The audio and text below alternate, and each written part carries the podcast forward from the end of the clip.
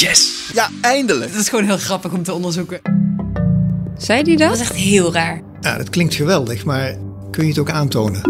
Dit is Speurwerk. Wij brengen je de hoogtepunten van Investigo's nieuwste publicaties en laten je zien hoe journalisten te werk gaan. Ik ben Sylvane van den Braak. En ik ben Michelle Salomons. Deze aflevering gaat over de invloed van de onderwereld op de bovenwereld. Een ongekend misdaadproces in Nederland. Of de angstcampagne die gevoerd is door Taghi, of die werkt. Het geweld van criminele netwerken. Geweld dat steeds verder buiten de grenzen van de onderwereld reikt en de samenleving binnendringt. We hebben er in Nederland steeds vaker mee te maken. Daar gaat het deze keer over in Speurwerk. Lange tijd bestond de criminele wereld in Nederland uit mannen zoals Willem Holleder en Cor van Hout. Hoewel ze niets ontziende misdaden pleegden, hing er nog iets romantisch omheen. Holleder had zelfs een eigen column en was de gast in het interviewprogramma College Tour. Maar vanaf eind 2012 wordt Nederland opgeschrikt door het geweld van nieuwe groepen criminelen. Er worden op klaarlichte dag mensen geliquideerd in woonwijken. Een moeder wordt in het bijzijn van haar kinderen doodgeschoten en voor een Sisha-lounge wordt een afgehakt hoofd neergelegd. Investico-redacteuren Marieke Rotman en Romy van den Burg hebben samen met Racit Elibol van de Groene Amsterdammer onderzoek gedaan naar de verharding van de georganiseerde misdaad. Het is een onderzoek naar een gevoel dat zich onderhuids nestelt bij steeds meer mensen. Een gevoel van dreiging en angst. Als eikpunt voor hun onderzoek nemen ze het grootste strafproces van nu, het Marengo-proces. Je hoort Marieke. In het Marengo-proces staan 17 verdachten terecht, waarvan de bekendste Ridouan Taghi. En zij worden ervan verdacht dat ze samen een criminele organisatie hebben gevormd en verschillende moorden en liquidaties hebben gepleegd. Wie is Ridouan Taghi? Hij is geboren in Marokko en op een gegeven moment naar Nederland gekomen met zijn ouders. Hij woonde altijd in Vianen en hij groeide daar op. Hij ging gewoon naar school, naar het VWO. Maar hij kwam op een gegeven moment volgens verschillende media in de hennephandel terecht, in de wiethandel. En op een gegeven moment uh, is hij van daaruit overgestapt naar de cocaïnehandel. En toen is zijn, nou ja, zijn, uh, zeg maar zijn handel en ook zijn organisatie enorm gegroeid. En hij is daarmee uitgegroeid tot een van de grootste spelers op die markt in Nederland, maar ook internationaal. Wie zijn er vermoord? De moorden waar het in Marengo over gaat, dat zijn eigenlijk allemaal verschillende liquidaties. Sommige mensen zijn vermoord omdat ze te veel informatie de wereld in hielpen de moord op Martin Kok. Hij was misdaadblogger en hij schreef vrij vroeg ook al heel veel over Taghi. Het OM denkt dat Taghi zich daar heel erg aan stoorde, omdat hij zo lang mogelijk probeerde buiten beeld van de opsporingsdiensten te blijven.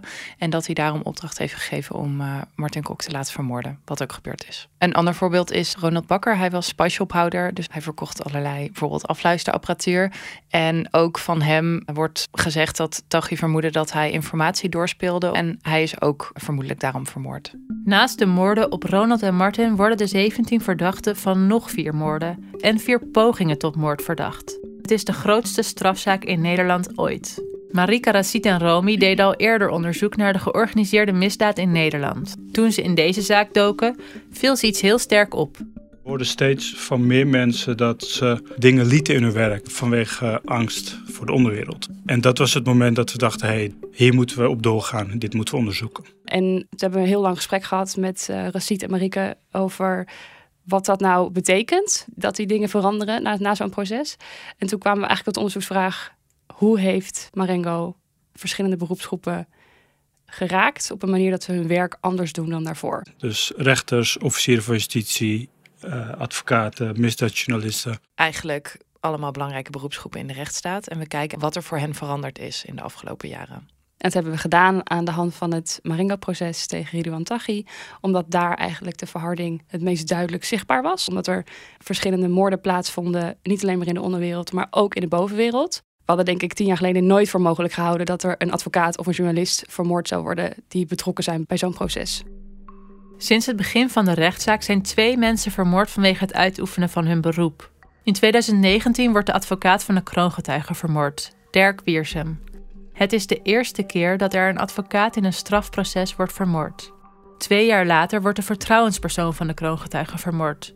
Hij was ook een van de bekendste misdaadjournalisten in Nederland, Peter R. de Vries. Marengo staat bekend als een ongekend uh, misdaadproces in Nederland en wat echt uh, veel harder en heftiger is dan alles wat we daarvoor hebben gehad.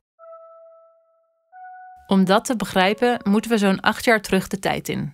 Toen kwamen de eerste signalen over een nieuw crimineel netwerk. Zo 2015, 2016 kwamen ze eigenlijk achter dat het een nieuwe groepering was aan misdaad die heel anders was dan de misdaad die we daarvoor kenden. Denk bijvoorbeeld aan Willem Holleder. Bijvoorbeeld misdaadjournalisten zeggen wel eens, ja, vroeger rondom Holleder zaten we wel eens met hem in de kroeg. Willem Holleder, alleen al zijn imago dat hij had. Hij had een tijdje een column. Hij is gast geweest bij uh, College Tour. Hij werd altijd een beetje besproken als knuffelcrimineel. Um, terwijl het was ook een hele niets ontziende crimineel. Maar de dreiging bleef wel voornamelijk, zeggen mensen dan vaak, in het criminele milieu zelf. En nu reikt de dreiging ineens buiten het criminele milieu. Marike legt uit waarom. Door de cocaïnemarkt die gewoon enorm gegroeid is. En ook veel groter in, is worden in de zin van veel mondialer, zijn de belangen gewoon veel groter. Dus het gaat om meer geld. Het gaat om veel meer geld. Het gaat om ook veel meer mensen die daar geld aan verdienen. En niet alleen maar in Nederland. Dus daar zijn criminelen ook bereid voor om meer te doen. Deze groep is op nog een manier anders, vertelt een advocaat die Racit, Marike en Romy spreken. Peter Plasman zei in het interview dat we met hem hebben gehad: criminelen zijn mensen die zich niet aan de regels houden, behalve dat ze, hield zich wel aan de rechtspraak. Als ze werden veroordeeld, dan was dat zo. Maar wat je nu ziet is dat de nieuwe generatie criminelen zich daartegen verzet. In zijn woorden, oorlog voeren tegen het systeem. Ja, en dat is natuurlijk doodeng de rechtsstaat zoals die is, ontkennen ze. Ze gaan niet meer mee in, ja, we weten dat de regels er zijn en die overtreden we. Maar hè, als we gepakt zijn, dan snappen we dat een proces zo werkt. Een heel duidelijk punt was natuurlijk toen Dirk Wiersum werd vermoord. Toen zei iedereen, er is nu echt een grens van de rechtsstaat overgegaan. Want er is nu iemand vanwege zijn functie en dus niet vanwege betrokkenheid bij het criminele milieu of wat dan ook, vermoord. Want Dirk Wiersum was de advocaat op dat moment van de kroongetuigen. Die stond hem bij. En die is toen op een dinsdagochtend voor zijn huis doodgeschoten. En dat was echt voor alle betrokken partijen en eigenlijk ook voor heel Nederland een enorme schok. Romy, Marike en Racit willen weten wat er van het effect is op mensen die vanwege hun beroep betrokken zijn bij de zaak. Officieren van justitie, rechters, journalisten en advocaten. In dit onderzoek speelt één plek een centrale rol. De plek waar al deze beroepsgroepen samenkomen. Hallo, we komen voor het Maringo-proces. De bunker. Oh, uh, Marieke Rotman en Romy van der Burg. Van Investico. Ja, precies. Super, dank je. Ja. De bunker is een gebouw wat op zich niet heel erg opvalt, behalve dat de rolluiken daar altijd zijn neergelaten. En af en toe valt het wel heel erg op, want dan staat de hele omgeving um, vol met politiebusjes, uh, en ME'ers en militairen. Dat zijn de zittingsdagen van Marengo. Er cirkelt altijd een drone boven het gebouw. Uh, er schijnen scherpschutters op de daken te zitten. Eigenlijk al die beroepsgroepen die we hebben gesproken, die komen dan allemaal daar naartoe. En dat verschilt nogal ook hoe ze daar naartoe komen. Uh, journalisten komen vaak gewoon op de fiets, wij ook. Maar bijvoorbeeld uh, rechters en officieren, die komen dan in een gepantserde auto aan. Die wordt bestuurd door iemand met een bivakmuts op. En Um, ik ben ook wel eens in een normale rechtbank geweest. En dit was gewoon zo totaal anders. Waarom was het belangrijk om daarbij te zijn? Ik denk dat het voor ons belangrijk was waar, hoe ziet dat er dan uit, zo'n zittingsdag? En hoe ziet dat er dan uit, die zware beveiliging? En wat voor sfeer hangt er? Wat voor sfeer hing er? Ja, ik vond het altijd best wel gespannen. Je aankomst is al heel gespannen. Er is dus heel veel, overal staan militairen. Sommige mensen worden echt met een noodvaart daar naar binnen gereden. Je moet door hele zware beveiliging. Voor een Marengo-zitting zijn er tussen de 300 en 350 mensen vrijgemaakt voor de beveiliging van alles wat er omheen zit. En dan voel je opeens heel kwetsbaar. Je voelt je ook meteen een beetje. Het is heel gek. Ik, ik voel me altijd onveilig als ik daar aankom. Terwijl ik bedoel, het stikt daar van de militairen. De bunker is een goede plek om mensen te ontmoeten die ze willen spreken.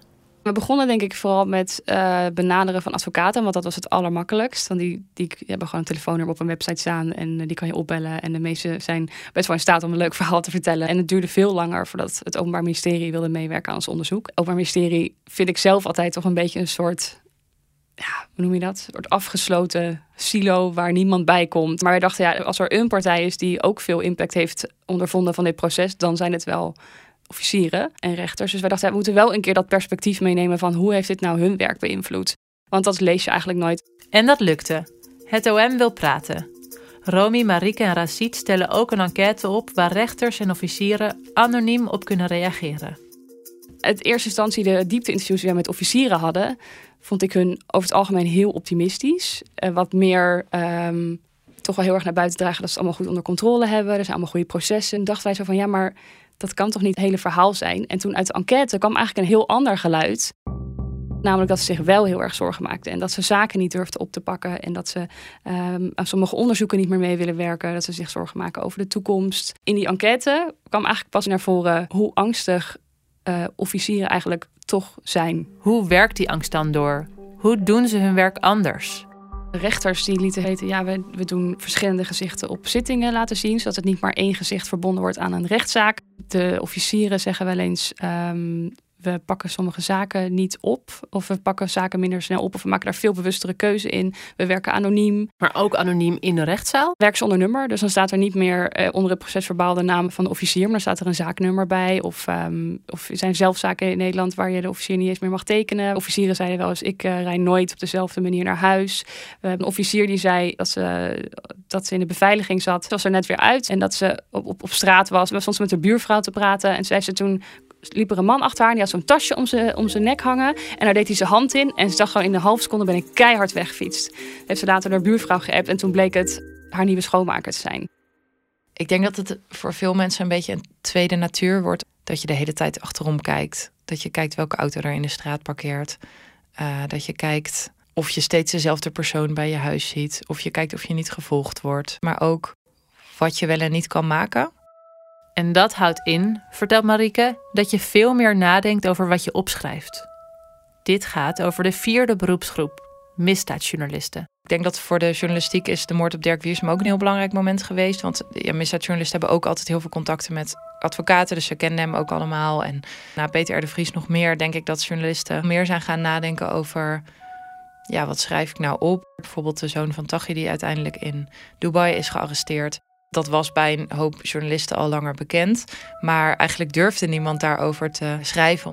Degene die hier uiteindelijk toch over schrijft is John van de Heuvel. Niet omdat ik dat nou uh, allemaal zo leuk vind. Ik heb genoeg aan mijn hoofd uh, op het gebied van veiligheidsissues. Ja. Maar ik dacht wel, ja, weet je, als ik dit nou niet ga noemen, dan hebben ze in feite alsnog gewonnen. Want er is best stevige druk op me uitgeoefend om dat niet te doen. Van, vanuit opsporingsinstanties uh, van, ja, maar, maar, maar, kijk uit, want denk ook aan je eigen kinderen denk ja, mijn, mijn god zeg, uh, waar, waar zijn we in beland zeg. Heb je dat wel eens eerder zo? Het is niet zo hard uh, eerder ge, ge, geadviseerd. Nou, toen heb ik nog heel lang gewacht, bijna een maand gewacht. Wel steeds contact ge, gehouden, en, maar toch op een gegeven moment gezegd, ja, maar ik ga publiceren. Nou, kun je dan nog een week wachten, want dan kunnen we nog meer, meer maatregelen gaan nemen. En die zijn ook gebeurd wij zijn er heel onbevangen en, en ook naïef ingestapt. En ik schreef al 25 jaar toen over, uh, over georganiseerde misdaad. En ik heb ook toen wel heftige dingen meegemaakt. Uh, met, met, met de Club van Holleder en, en met motorbendes, noem maar op. Dus ik weet nog dat we toen een, een, een, artikel hebben geschreven over een beetje over de ontstaansbuurten van de Mokko-maffia. Dus we zijn in wijken geweest toen en, en, we hebben mensen geïnterviewd in een winkelcentrum waar in die, midden in die wijk. En dat artikel verschenen en, en de dag later lag er een eh, brandbom bij een van die uh, winkeliers binnen. Dus het was iets zo, hé, is dat, zou dat nou het een met het ander te maken hebben? Dus toen werden we al wat voorzichtiger. Ja, en toen, en toen kregen we natuurlijk die aanslag op de Telegraaf, op Panorama. In 2015, 2016, toen, toen ik met Mick hierover ging schrijven, zou hebben geweten wat ik nu weet, dan weet ik ook niet wat voor een keuze ik zou hebben gemaakt. Als journalist kan je amper meer je werk doen. Want als ik een serie maak over de jacht op de Mokko-maffia... Nou, dan krijg je gewoon geen sprekers meer. Want niemand uh, behoudt zo'n mensen die, die nog wel de durf hebben. Maar eigenlijk het gros zegt van... Uh, nee, uh, geef mij Borsje maar een fikkie. Dus dan angst. kun je toch wel... Uit, uit angst. Ja, dat wordt gewoon ook letterlijk zo gezegd. Het is natuurlijk ook wel ingewikkeld. Want je moet je juist heel vrij bewegen als journalist. En zeker als misdaadjournalist. Want dan heb je natuurlijk ook bronnen in de onderwereld. Dan spreek je ook met criminelen om te, ja, bedoel, zoals een politiek journalist met politici praat, praat een misdaadjournalist met misdadigers. Maar als je met misdadigers afspreekt en je zegt: Ik kom met, uh, met een hele batterij aan beveiligers, ja, dat is toch, dan denken ze toch van: nou laat me zitten dan. En ze krijgen natuurlijk ook wel eens wat te horen van bronnen uit, uh, uit de opsporing. Ja, die gaan misschien ook niet zo heel snel meer met je afspreken op het moment dat je met allemaal beveiligers aankomt. Uh, het belangrijkste is denk ik dat de, de misdaadverslaggeving, zoals die vijf, zes jaar geleden was, er nu eigenlijk steeds minder is. Dan hebben we het bijvoorbeeld over dat misdaadjournalisten zeggen: um, we maken afwegingen in uh, wanneer we iets brengen. We doen het soms wel samen met andere media. Uh, bijvoorbeeld um, de aanhouding van de neef van Taghi, die zijn advocaat was, Youssef Taghi. De arrestatie van de neef van Taghi is om een tweede reden een belangrijk moment. Wat je daarin ook zag is een dilemma in de journalistiek. Heel veel journalisten die kwamen er van elkaar ook achter, wisten dat Youssef Taghi naar de EBI ging om Ridwan Taghi te bezoeken als advocaat. Wat heel raar was, want hij was geen strafrechtadvocaat. Dus iedereen dacht van... Is hij wel echt zijn advocaat? Ja, precies. Ja. Alleen dat nieuws hebben zij toen niet gebracht. Die journalisten hebben dat niet gebracht, omdat ze het niet helemaal rondkregen. OM wilde dat toen niet aan hun bevestigen. On the record of de record wel. Dus dat was een beetje lastig omdat er dus zoveel dreiging is, vinden journalisten het volgens mij sneller spannend om iets op te schrijven wat ze alleen weten uit bijvoorbeeld bronnen in het criminele milieu. Zowel voor zichzelf als voor die bronnen. Want je, als je iets opschrijft, is het vaak wel duidelijk dat er maar een paar mensen zijn die dat kunnen weten. Soms vinden journalisten daar een oplossing voor. Dat bleek toen Taghi's neef uiteindelijk werd opgepakt. Journalisten publiceerden daar alsnog over. Maar dan samen en allemaal tegelijk. Toen het nieuws naar buiten kwam, toen was het ook echt zo van... Uh, Yusuf Taghi heeft zijn neef Ridwan Taghi, weet ik wel, honderd keer bezocht in de EBI. Meldde het Parool, NOC, de Telegraaf en het AD of zo. Ik weet niet meer precies welke. Ja, dus toch, het gebeurt natuurlijk niet zo heel vaak dat één nieuwsfeit door vier media wordt, wordt gebracht. Het zegt wel iets over hoe zij nu werken. Dus ze doen het wel uit veiligheidsoverweging. En niet omdat ze... Uh, niet omdat ze het willen. Nee. Het is geen vrije keuze. Nee het is ook wel een manier om niet als enige krant of als enige journalist de verantwoordelijkheid te dragen voor het verhaal. Dat is eigenlijk zelf wat natuurlijk bijvoorbeeld dus rechters en, en officieren ook doen. Meer, afwisselen, meer verschillende gezichten, zodat je niet alleen verantwoordelijk gehouden wordt voor wat je zegt. Maar dit soort maatregelen nemen niet alle angst weg. Maringo heeft wel het effect gehad als journalistiek zichzelf is gaan censureren. En wat voor soort dingen worden er dan niet opgeschreven? Ik denk dat verhalen die heel groot risico met zich meebrengen. Dus die andere mensen in gevaar zouden kunnen brengen. En ik denk dat als de afweging is, er komen te veel mensen voor dit verhaal in gevaar, dat ze het niet maken. Vind ik best wel een heftige verandering. Je bent vaak wel de eerste die signaleert waar dingen spelen. En je hebt daarin gewoon een rol waarin je dat publiek bekend maakt. Ik denk als dat steeds minder wordt, dan zijn we ook gewoon minder op de hoogte van wat er in die laag in de onderwereld speelt. Allemaal een gevolg van de angst, die dus ook de misdaadjournalistiek raakt. We hebben uh, misdaadjournalisten gehad die zeiden: Ik uh, kijk altijd waar de branduitgang is. Als ik ergens ga zitten, ik kijk altijd om me heen. Je bent zo kwetsbaar als journalist. Je, bent, je zet overal je naam onder. De meeste mensen weten ook nog hoe je eruit ziet. We hebben meerdere journalisten die beveiligd worden. Het is gewoon best wel een hard geraakte beroepsgroep. En het was niet dat journalisten nooit met bedreigingen te maken kregen. En ook niet dat ze nooit een doodsbedreiging aan hun adres misschien kregen. Maar in dit geval zeggen ze er is wel zoveel en reële dreiging en ook wel onvoorspelbaarheid. En nog even los daarvan vertellen journalisten natuurlijk ook die tijd nadat Peter R. de Vries was vermoord. Dat was gewoon een hele donkere tijd. Ehm, dat was gewoon zo aangrijpend. En we zaten dan een beetje bij elkaar in de bunker. En eigenlijk zei iedereen: Ik wil hier helemaal niet meer zijn. En ehm, ik heb gewoon weer zin in iets moois. In plaats van al deze ellende. Jij behoort tot de groep journalisten. Hoe heeft het jouw werk beïnvloed? Ja, sterker nog, er is ook wel eens onderzocht voor uh, journalisten wie het meeste risico loopt. En dat zijn freelancers die schrijven over georganiseerde misdaad en vrouw zijn. Bingo. dus ik check al de boxes. um, nee, zeker. Marike vertelt het lachend, maar ze neemt het niet licht. Ik maak me niet zo'n zorgen voor dit onderzoek, maar er zit wel gewoon veel meer spanning op dan bij elk ander onderzoek dat je zou kunnen doen. Uh, zowel bij de mensen die je interviewt als dat je zelf denkt, we moeten alles echt heel goed checken en uh, heel goed nadenken over hoe we iets opschrijven. En ik heb me in andere onderzoeken wel eens zorgen gemaakt ja, over mijn veiligheid en ook wel eens signalen gekregen van, nou dit kan je beter niet opschrijven.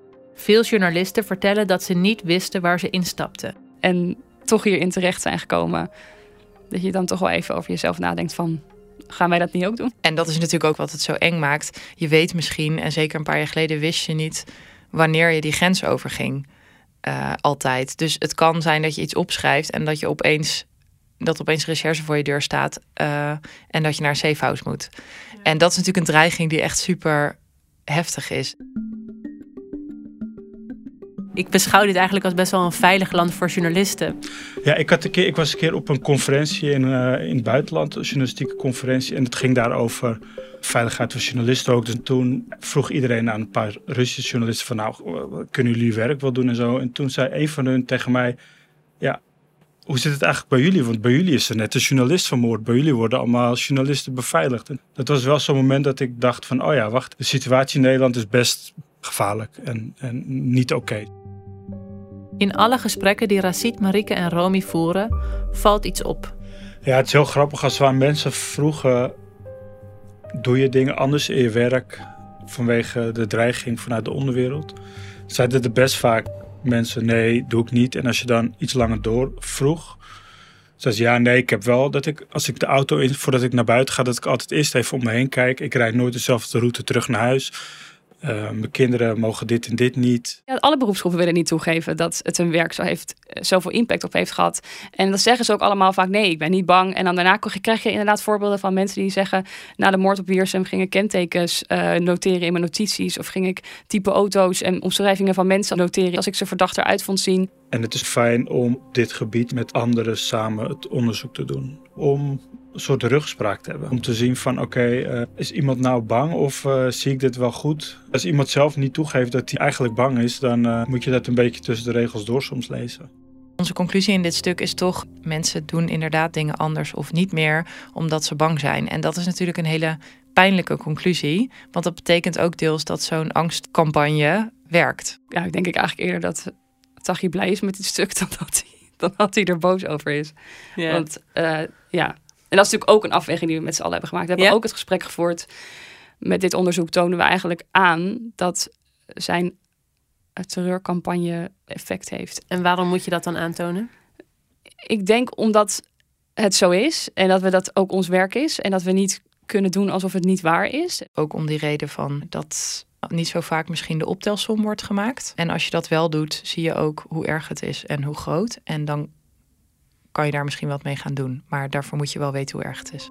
En we wisten heel lang niet hoe erg het was. Het komt ook naar voren in verschillende rapporten die later geschreven zijn... dat het Openbaar Ministerie gewoon structureel onderschat heeft... in het begin hoe gewelddadig en hoe ver dit netwerk ging. In, um, in zoals ze zelf zeggen, iedereen laat slapen die iets zegt.